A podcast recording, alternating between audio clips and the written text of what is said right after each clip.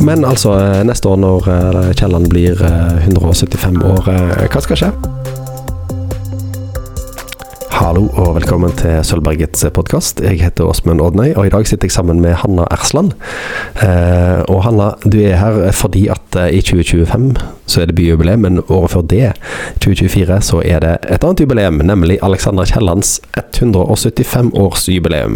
Og for oss som jobber på Sølvberget, så er det jo ganske selvsagt hvem Alexander Kielland var. Men for de der ute som ikke er like opplyste om, og som har ramla innom denne podkasten, forklar oss hvorfor eh, vi skal feire Alexander Kiellands 175-årsdag, og hvem han var. Hei, Asmund. Um, jo, Alexander Kielland han var eh, født i Stavanger i um, 1849. 18. februar. Han eh, var eh, forfatter. Han var avisredaktør her i Stavanger. og Han var borgermester også i Stavanger, og så var han amtmann i Molde. Um, men han er jo mest kjent for å være en forfatter og en samfunnsdebattant. Han uh, er jo også en av de mest kjente forfatterne i Norge innenfor realismen, og ble Eh, noe som folk sier i ettertid var bare et markedsføringsstunt av Gyllendal, men han var jo en av de fire store, sammen med Henrik Ibsen, Bjørnstein Bjørnson og Jonas Lie. Så det sier jo litt om eh, hvor viktig Alexander Kielland er, når han kan betegnes som en av de fire store. Men eh, siden han skrev under den eh, såkalte realismetradisjonen, så var han jo veldig opptatt av at litteraturen skulle sette samfunnet under debatt. Og eh, nå har vi jo hatt en eh, lang serie her på Sølvberget hvor vi har gått gjennom eh, den ene romanen hans, 'Gift'. Eh, og eh, hvis dere ikke har hørt den podkasten ennå, så kan jeg anbefale å høre den. Da har, eh, har eh, tre kolleger på Sølvberget lest eh, to og to kapitler og diskutert de underveis. Og det som har vært så fint med den podkasten, er at eh, du får fram det der eh, hvordan Kielland eh, som forfatter skriver om temaer som fortsatt er relevant i dag. Da. Sånn som Gift, som handler om eh, skolen, men eh, når du hører podkast, så forstår du at den handler veldig mye mer enn bare kritikk av skolesystemet. Det er jo kritikk av religion, det er kritikk av kvinners eh, frihet, av borgerskapet, forskjeller i samfunnet. Og de har jo ja, om, eh, Det har jo skjedd store endringer i samfunnet, men temaene er fortsatt like aktuelle i dag. Det som mener at, eh, at eh, vi har ikke beveget oss så langt på de 140 årene som har gått siden han skrev 'Gift'. Nei, kanskje ikke. Altså, Vi har slutta med latin. Er andre fag inne i skolen. Men eh, senest i dag så sto det en overskrift om hvordan elevene skulle bli målt på alle mulige måter i skolen. Og de som sto fram til å kritisere det, var jo lærere ved Katedralskolen, hvor eh, Kielland selv gikk. Og noen kanskje mener at eh, gift tar sted. Ja. Men altså, eh, neste år når eh, Kielland blir eh, 175 år, hva skal skje? Ja, da skal vi jo ha en Vi skal jo ha en festuke i uke syv. Men da er det Ok, uke syv starter på Vi starter med tirsdag 13. februar. Da skal vi ha et arrangement om pressefrihet og hvordan det trues. Eh, med utgangspunkt i at Alexander Kielland var en avisredaktør. Det blir feministisk eh, lesesirkel hvor eh, vi skal se på gift med et feministisk blikk. Det blir shared reading på flere språk rundt omkring på de ulike filialene. Det blir verksted eh, med å kunne ytre seg gjennom å lage eh, buttons eller eh, lignende. Og så går vi videre til eh, til onsdag 14., hvor vi bl.a. har et samarbeid med Universitetet i Stavanger eh, og en studentgruppe som heter Ex Libris. Der skal vi ha et, en paneldebatt som handler om, eh, om det nytter eh, å skrive om klimakampen i skjønnlitteraturen. Og da tenker vi litt at eh, det er tankene om litteraturens eh, kraft og funksjon på slutten av 1800-tallet, og setter det opp, opp mot eh, dagens klimakamp, og, og hvilken funksjon har det egentlig i dag. Mm. Hvordan kan en måle det, egentlig? Måle effekten av f.eks. bøkene til eh, Maja Lunde? Nei, Det er jo et godt spørsmål, så det gleder meg veldig til å høre hva de i panelet har å si. De som har fått med, er bl.a. professor og forfatter Ingrid Nilsen, som jobber ved Universitetet i Stavanger. Vi har fått eh, forfatter Simon Strasseger. Og så kommer også Ingvild Helstrand, som er førsteamanuensis eh, ved Universitetet i Stavanger. Og så er det Eirik Bø, eh, forlagssjef for Pelikan forlag, som leder debatten. Og mm, når vi har eh, diskutert dette arrangementet, så har vi jo vært litt sånn Ja, men eh, vi kan jo se på på en måte kanskje skjønnlitteraturens fu funksjon generelt med andre temaer og sånt, men vi ser at, eh, at det er mange temaer F.eks. for eksempel si identitet, eller eh, eh, familie, eller eh, legning og sånne ting som, som man lett kan tenke at skjønnlitteraturen kan ha en veldig sånn tydelig funksjon ved at man på en måte finner Man finner et sted i litteraturen hvor man eh, føler at det er noen som er som deg, da. At du, eller at du blir Du forstår kanskje noen bedre ved at det blir skrevet om det i skjønnlitteraturen. Um, men så tenker vi at ok, men hva med klimakampen, da? Blir folk skremt? Er det den viktigste måten? Eller skal man male ut et eh, en verden som er helt fantastisk, og at vi må ta vare på naturen, eller Ja. Så jeg gleder meg veldig til dette arrangementet. Ja, det er et godt poeng, for dette Når du snakker om legning, f.eks., eller, eller, eller samfunnsspørsmål som vi gjerne opplever som ganske um, personlige, det som handler om identitet, så er det kanskje lettere å finne ei bok som, eh, som gir um, trøst, eller som treffer deg veldig, og kanskje får deg til å eh, gjøre en endring, eller eh, ja, se livet på en annen måte. Mens eh, skal ei bok få meg til å selge dieselbilen min, liksom? Ja, ikke? Det, skal det skje? Skal ei bok få meg til å slutte å dra på ferie til, til Italia om sommeren? Ja. Eh, har bøkene den kraften?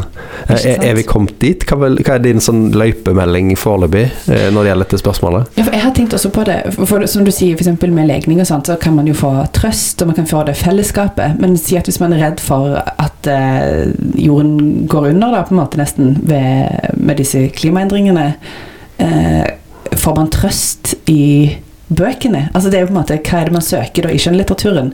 Um, og jeg merker jo selv at sånn, om sommeren når det er masse skogbranner, og vi har fri, og det er altfor varmt, og nye varmerekorder hele tiden, så frister det jo ikke å liksom sitte og lese en skjønnlitterær bok om hvor forferdelig det går, på en måte. Eh, Nei, nei, det er det. Skal du, skal du stryke folk med hårs eller mot hårs eh, for å oppnå ting? Men det er jo kanskje den, et av de feltene som det er tydeligst å se den der eh, realismearven fra Kielland, da. Med mm. liksom sette problemer under debatt. Og hvis du klarer å Én ting er liksom småbymentalitet på 1800-tallet. Det er, det er jo ikke verdens største skala, men liksom klimaendringer som er sånn eh, grenseoverskridende som griper inn i alt vi gjør. mm. I alle mennesker på hele jordkloden. Uh, hvis bøkene klarer det, da, da har bøkene gjort en god jobb. Ja, virkelig. Ja, det gleder meg. Jeg gleder meg veldig til å, til å være på det. Så det er på Det vil være på Universitetet i Stavanger, på biblioteket der. Um, uh, skal vi se Og så har vi eh, på torsdag 15. februar så har vi en superlitterær torsdag. Da får vi besøk av eh, eh, På Bokpraten, som er klokken tolv, så kommer selveste Mikael Nemi, som er aktuell med en ny bok. Vi har eh, to arrangementer eh, her på huset på kvelden, som er med Det ene er med Vigdis Hjorth, som skal bli intervjua av eh, Sumaya Jirde Ali om hennes nyeste bok, eh, 'Gjentagelsen'. Og så kommer Monica Isakstuen, som er aktuell med sin roman 'De små jentene', som skal bli intervjua av Bjørn Arild Ersland. Det, blir en slags liten festival, dette her, denne, denne bursdagsuka for Kielland. Det høres litt sånn ut. Sånn eh, halvt år før kapittel. kapittel. Ja, kanskje. Jeg tenkte sånn, jeg må ikke lage en festival, men med en gang man begynner, så er det jo så gøy. Eller sånn. Eller når går noe over fra å være en arrangementsrekke til å bli en festival? Jeg vet ikke om jeg får spørre festivalsjefen om det. ja, Jeg bare lager en bursdagsfest. ja, Men ja. det er jo litt sånn eh, eh, For eksempel hvis jeg har invitert vennene mine på hytta, eller noe sånt, så sier de ofte sånn Ikke gjør det til en festival. Hva, hva er det du pleier å gjøre hvis, det, hvis, hvis de har eh, festa festivalmerkelappen? Hva er det som har skjedd da? Inviterer litt for mange folk, og merker at eh, det blir eh, Det går litt over styr. Men det er veldig kjekt. Det går jo alltid bra. Det er bare det at eh, Og så finner jeg alltid, eksempel, jeg skulle feire bursdagen min, og så var det jo perfekt, for da var det premiere på teateret på et eller annet noen venner gjorde, så da kunne jeg få enda flere til å komme av det, og liksom Litt som når man lager en bursdagsfest for Alexander Kielland, så finner man samarbeidspartnere for å kunne samle masse gøye folk. Ja, ja men um, blir, det, blir det mat? Underveis her? Blir det kake? Åh, blir det kake? Ja, forhåpentligvis på søndagen. Men det, jeg har ikke kommet så langt i oppsummeringen av hele programmet mitt. Ja, ennå. sorry. Eh, kom igjen, kjør på videre. Ja, fordi at Apropos samarbeidspartnere, så har vi jo også eh, Så skal vi ha et arrangement på Kunstmuseet i Stavanger. Fordi de har jo en, en stipendiat på eh, selveste Kitty Kielland, søstera til Alexander Kielland, og de hadde et nært eh, forhold. Så Ingrid Gudmundsen skal holde et eh, foredrag klokken seks på torsdagen. Um, og så, ja, over til mat. Em, vi skal ha to arrangementer på fredagen på eh, nummer 18, som er en kafé her i Stavanger, som også selger mat. Eh, der eh, hang Alexander Kielland ganske mye med vennene sine og, og spilte fløyte og hadde det kult. Eh, og det er et veldig sånn, viktig historisk bygg i i Stavanger.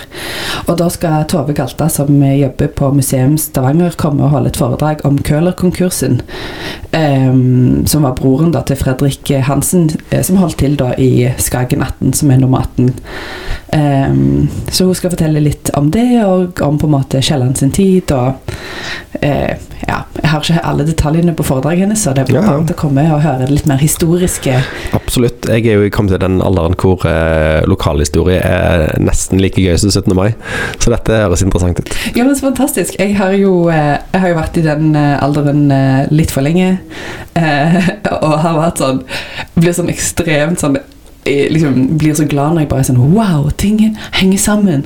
De kjente de, og derfor skjedde det. Og det er jo helt sykt, liksom. Mm. Du, du lager deg et slags sånn eh, 1880-talls sosialt nettverk i hodet ditt for å Mhm. finne ut hvem som var i hvem sine vennekretser og sånne ting. Eh, Ja, sant? ja. Det, er veldig, det er jo veldig spennende, da. ja, men nei, hvem har det vel ikke sånn? Nei, hvem har det ikke sånn? Når en går og ser på gamle hus, så begynner en å knytte forbindelser i hodet sitt. Men det er jo så spennende. Og tenk at vi har Altså tenk at uh, i andre etasjen på nummer 18, der er det Der hang kjelleren, liksom. Ja, men han var jo en mann på, på eh, to bein som alle andre. Han måtte jo være et eller annet sted. ja, det er et godt poeng. Men eh, det er bare et eller annet med det å være nærme de, ja, de eh, kildene, på. Eller liksom Ja, nærme ja, ja. det historiske. Um, Så under noen lag med maling der, så har han sikkert rissa seg inn en gang han var full ja, på veggen der. AK var her. Ja, og eh, de der super-DNA-forskningstingene som man har av teknologi nå, i sånne kriminalsaker. Ja, ja, ja. Tenk hvis man kunne brukt det der oppe og se hvor har Kielland kladda på veggen. Nettopp. Jeg har sett dokumentarer med hvor de gjør det på Mona Lisa, Oi, for eksempel, for å se hva som er bak eh, det som vi ser i dag. det er jo helt s- Det var ekstremt fascinerende. Ja. Ja. Men er det ikke også sånn med Munch og sånn òg, at de er sånn hm, dette er kanskje fuglebæsj? Ok, det er kanskje Jo, jo, jo. lettere da enn det der super-DNA-tingene, men Ja, men eh, det, her fins mulighetene. Eh, Du får starte en sånn parallell til det derre sykehuset vårt i Hedna, som jobber for å samle inn penger for å lage for viktig utstyr til sykehuset. Du får starte en sånn eh, kronerulling for å få eh, en slags eh, superscan av innsiden av veggene på nummer 18, for å se hva kjelleren muligens tagga der en gang for 140 år siden. det er jo en sykt god Jeg, idé. jeg tror byen vil reise seg på to bein og bare si selvfølgelig skal dette støttes. Ja, virkelig. Jeg tror vi kommer til å samle inn alle pengene som egentlig er tenkt til 900-årsjubileet til Stavanger. Det tror jeg òg. Men, eh, og det som er så gøy, er at på nummer 18 samme kveld, fredag eh, 16. februar, så skal jo du med lede en samtale. Ja, det skal jeg. Eller jeg vet ikke hvor mye jeg kommer til ordet, for jeg skal snakke med Tore Renberg og Vigdis Hjort. Eh, og ingen av de er, står fremst i beskjeden-køen. så eh, det gleder meg veldig til. Vi skal snakke om gift, som jeg òg har lest i det siste, som du nevnte. Eh, og hvordan disse to ser på den romanen. Det kommer til å bli steinbra. Ja, det må dere få med dere. Det gleder meg veldig til. Det blir eh, Jeg kommer, iallfall. Jeg kommer jo på alt, da. og eh, når vi først har Vigdis gjort i byen, så skal vi også få henne til å holde et foredrag på lørdagen som heter, i den serierekken som vi har som heter Klassikerlørdag. Og da skal hun snakke om Søren Kirkegård. For han var det veldig mange i Kielland sin tid som var veldig inspirert av. Kielland var inspirert av han, men også Arne Garborg, Henrik Ibsen, Bjørnstein Bjørnson. Så jeg tenker at det, ved at eh, hun forteller oss litt om eh, hvem er denne mannen som bare inspirerer alle. Ja, det, det må dere få med dere. Hvis dere har eh, lest noe av Vigdis Hjorth, så vil dere jo forstå at eh, eh, Søren Kirkegård han er mannen i hennes liv. Eh, eh, nesten alle de senere Hjorth-bøkene inneholder referanser til Kirkegård. Eh, hun, har, hun har også skrevet ganske morsomt i den boka som kom om pandemiskriving, som heter 'Hjemmekontoret', tror jeg. Hvor hun skriver f.eks. at eh, hun har litt vanskelig for å omgås vanlige folk, for det hun egentlig vil, er jo bare å sitte på hytta si alene og skrive, og lese Søren Kirkegård. Det er jo fantastisk. Eh, og, det, og så sier hun at eh, hun har Grunnen til at hun har så få eh, helt sånn vanlige dialoger i bøkene sine, er at hun vet liksom ikke helt hvordan folk snakker sammen. Hun mest, for hun vil mest være for seg sjøl med bøkene sine og skrivingen sin. Og, og ikke minst da Søren Kirkegård. Så uh, hun er en autoritet på feltet, og uh, som alltid er en helt utrolig bra formidler av hva det skal være. Ja, virkelig. Jeg føler jo at man, eh, man kan jo bli frelst av Vigdis Hjorth når hun forteller om noe. For det er så overbevisende om at dette er det viktigste. Så det tror jeg blir kjempegøy. Men så etter at vi har blitt eh, beriket og nyfrelst, så blir det en festkveld i samarbeid med Bokhuset her i Stavanger. Um, der har vi ikke alle kistene på plass ennå, så det er bare til å følge med. Alle kistene. Alle kistene Skal, det, er det gull oppi? Ja, dette blir gullkveld. Nei, eh, alle kistene. Vi har ikke alt helt um, 100 spi- spikra ennå, men, um, men vi, vi har snakket om at det hadde vært litt gøy å ha et sånn kritisk kvartett. Liksom sånn, Hvor god er egentlig Kielland? Ja, du, det hørte det. Da kom jeg, altså. Ja, det er jo, vi trenger jo litt kritikk òg. Ja, eh, jeg likte Kielland. Var, var han flink til å ta imot kritikk? Vet vi noe om det? Altså, jeg leste eh, nettopp et eh, brev han selv sendte til August Strindberg eh, nå nettopp, hvor han selv kritiserte teaterstykkene han skrev. Så, Ja. Men jeg vet ikke, det er jo en forskjell på det å kritisere seg selv og motta kritikk. Har han skrevet de sjøl? De, de han kritiserte? Ja, Oh, ja, han ba- Men han, han var vel blakk som vanlig, skulle tjene penger, da. Det er klart det gikk- kanskje gikk litt fort i svingene. ja, kanskje. Det er et godt poeng. Og så, etter vi har hatt en kjempekjekk festkveld sammen med Bokhuset, så må vi stå opp tidlig søndagsmorgen. Og da er det jo selve bursdagsdagen. Og da må vi ha kake, og vi må ha bursdagsfest. Og i tillegg så har vi jo masse kjekke aktiviteter for barn. For nå har det jo vært ekstremt mye kjedelige ting for voksne. Eh, og derfor tenker vi at eh, nå skal vi ha en bursdagsfest hvor blant annet eh, Besøkssenter for våtmarkjæren kommer og skal lage fuglekasser, for Kielland var veldig glad i fugler. I tillegg så har Bjørn Arild Asland og Per Dybvig eh, De er aktuelle med en bursdagsbok som handler om en bursdagsfest, som blir litt ødelagt av at det kommer en veldig stor stein på kakebordet. Så vi får håpe at det ikke kommer noen eh, stor stein på kakebordet hos oss. Ja, det har en tendens til å legge en demper der, altså. Ja, de gjør jo det. I hvert fall hvis steinen treffer kaka. Da eh, Ja, sant. Hva skal du da spise? Nei, det, det hørtes ut som en uh, bursdag uh, de fleste vil unngå. Mm, ja, sant. Men, men du, dette her er jo Alt dette skjer i februar.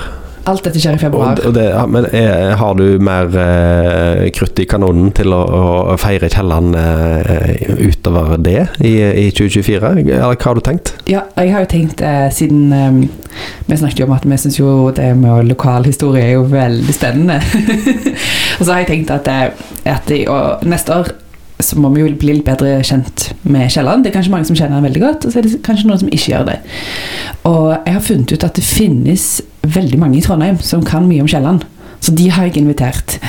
Du har vært på sånn pilegrimstur til Trondheim i det siste, har du ikke det? Ja, Litt sånn som Ari Beder og Märtha Louise i sin tid. mm, Hva, hva, hva, hva fant du ut? Hva er det de har i drikkevannet sitt der oppe som gjør at de er så interessert i Kielland? Nei, jeg, altså, det fant jeg faktisk ikke ut, for jeg prøvde å spørre, men uh, de bare smilte og sa det, de var interessert i han. Men eh, fordi det som viser seg at det er to stykk som har skrevet en doktorgrad om Kielland for noen år siden. Og så er det en ny stipendiat som er aktuell nå.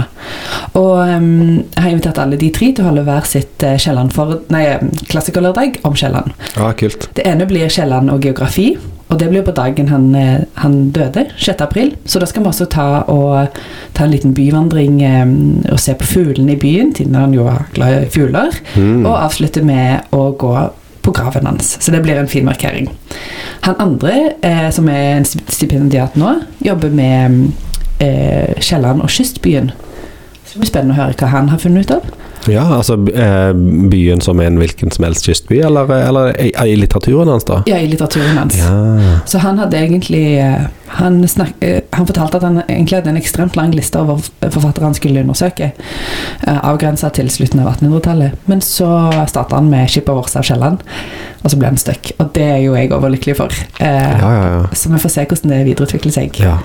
Um, og han siste han ville snakke om Kielland og penger. Og det blir jo litt spennende. Uh, og da se på på en måte utviklingen fra Kielland og penger uh, i hans tid, og hva slags rar pengeform vi har i dag med disse pengene vi aldri ser.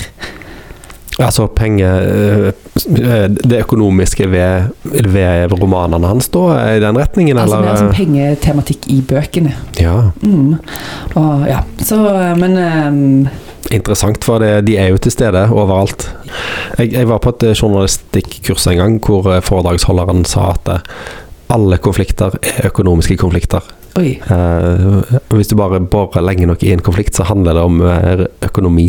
Oi. Jeg syns det hørtes ut som et ekstremt eh, mekanisk og Excel-aktig syn på livet, men jeg, jeg begynner å forstå at han har ganske rett. Ja, det er spennende. For jeg sånn Jeg husker en gang det var noen eh, eh, som fortalte at noen skulle skille seg. Og, når jeg var liten. Og da hadde sønnen til de som skulle skille seg, sagt Men har vi råd til det? og da tenkte jeg sånn Hæ?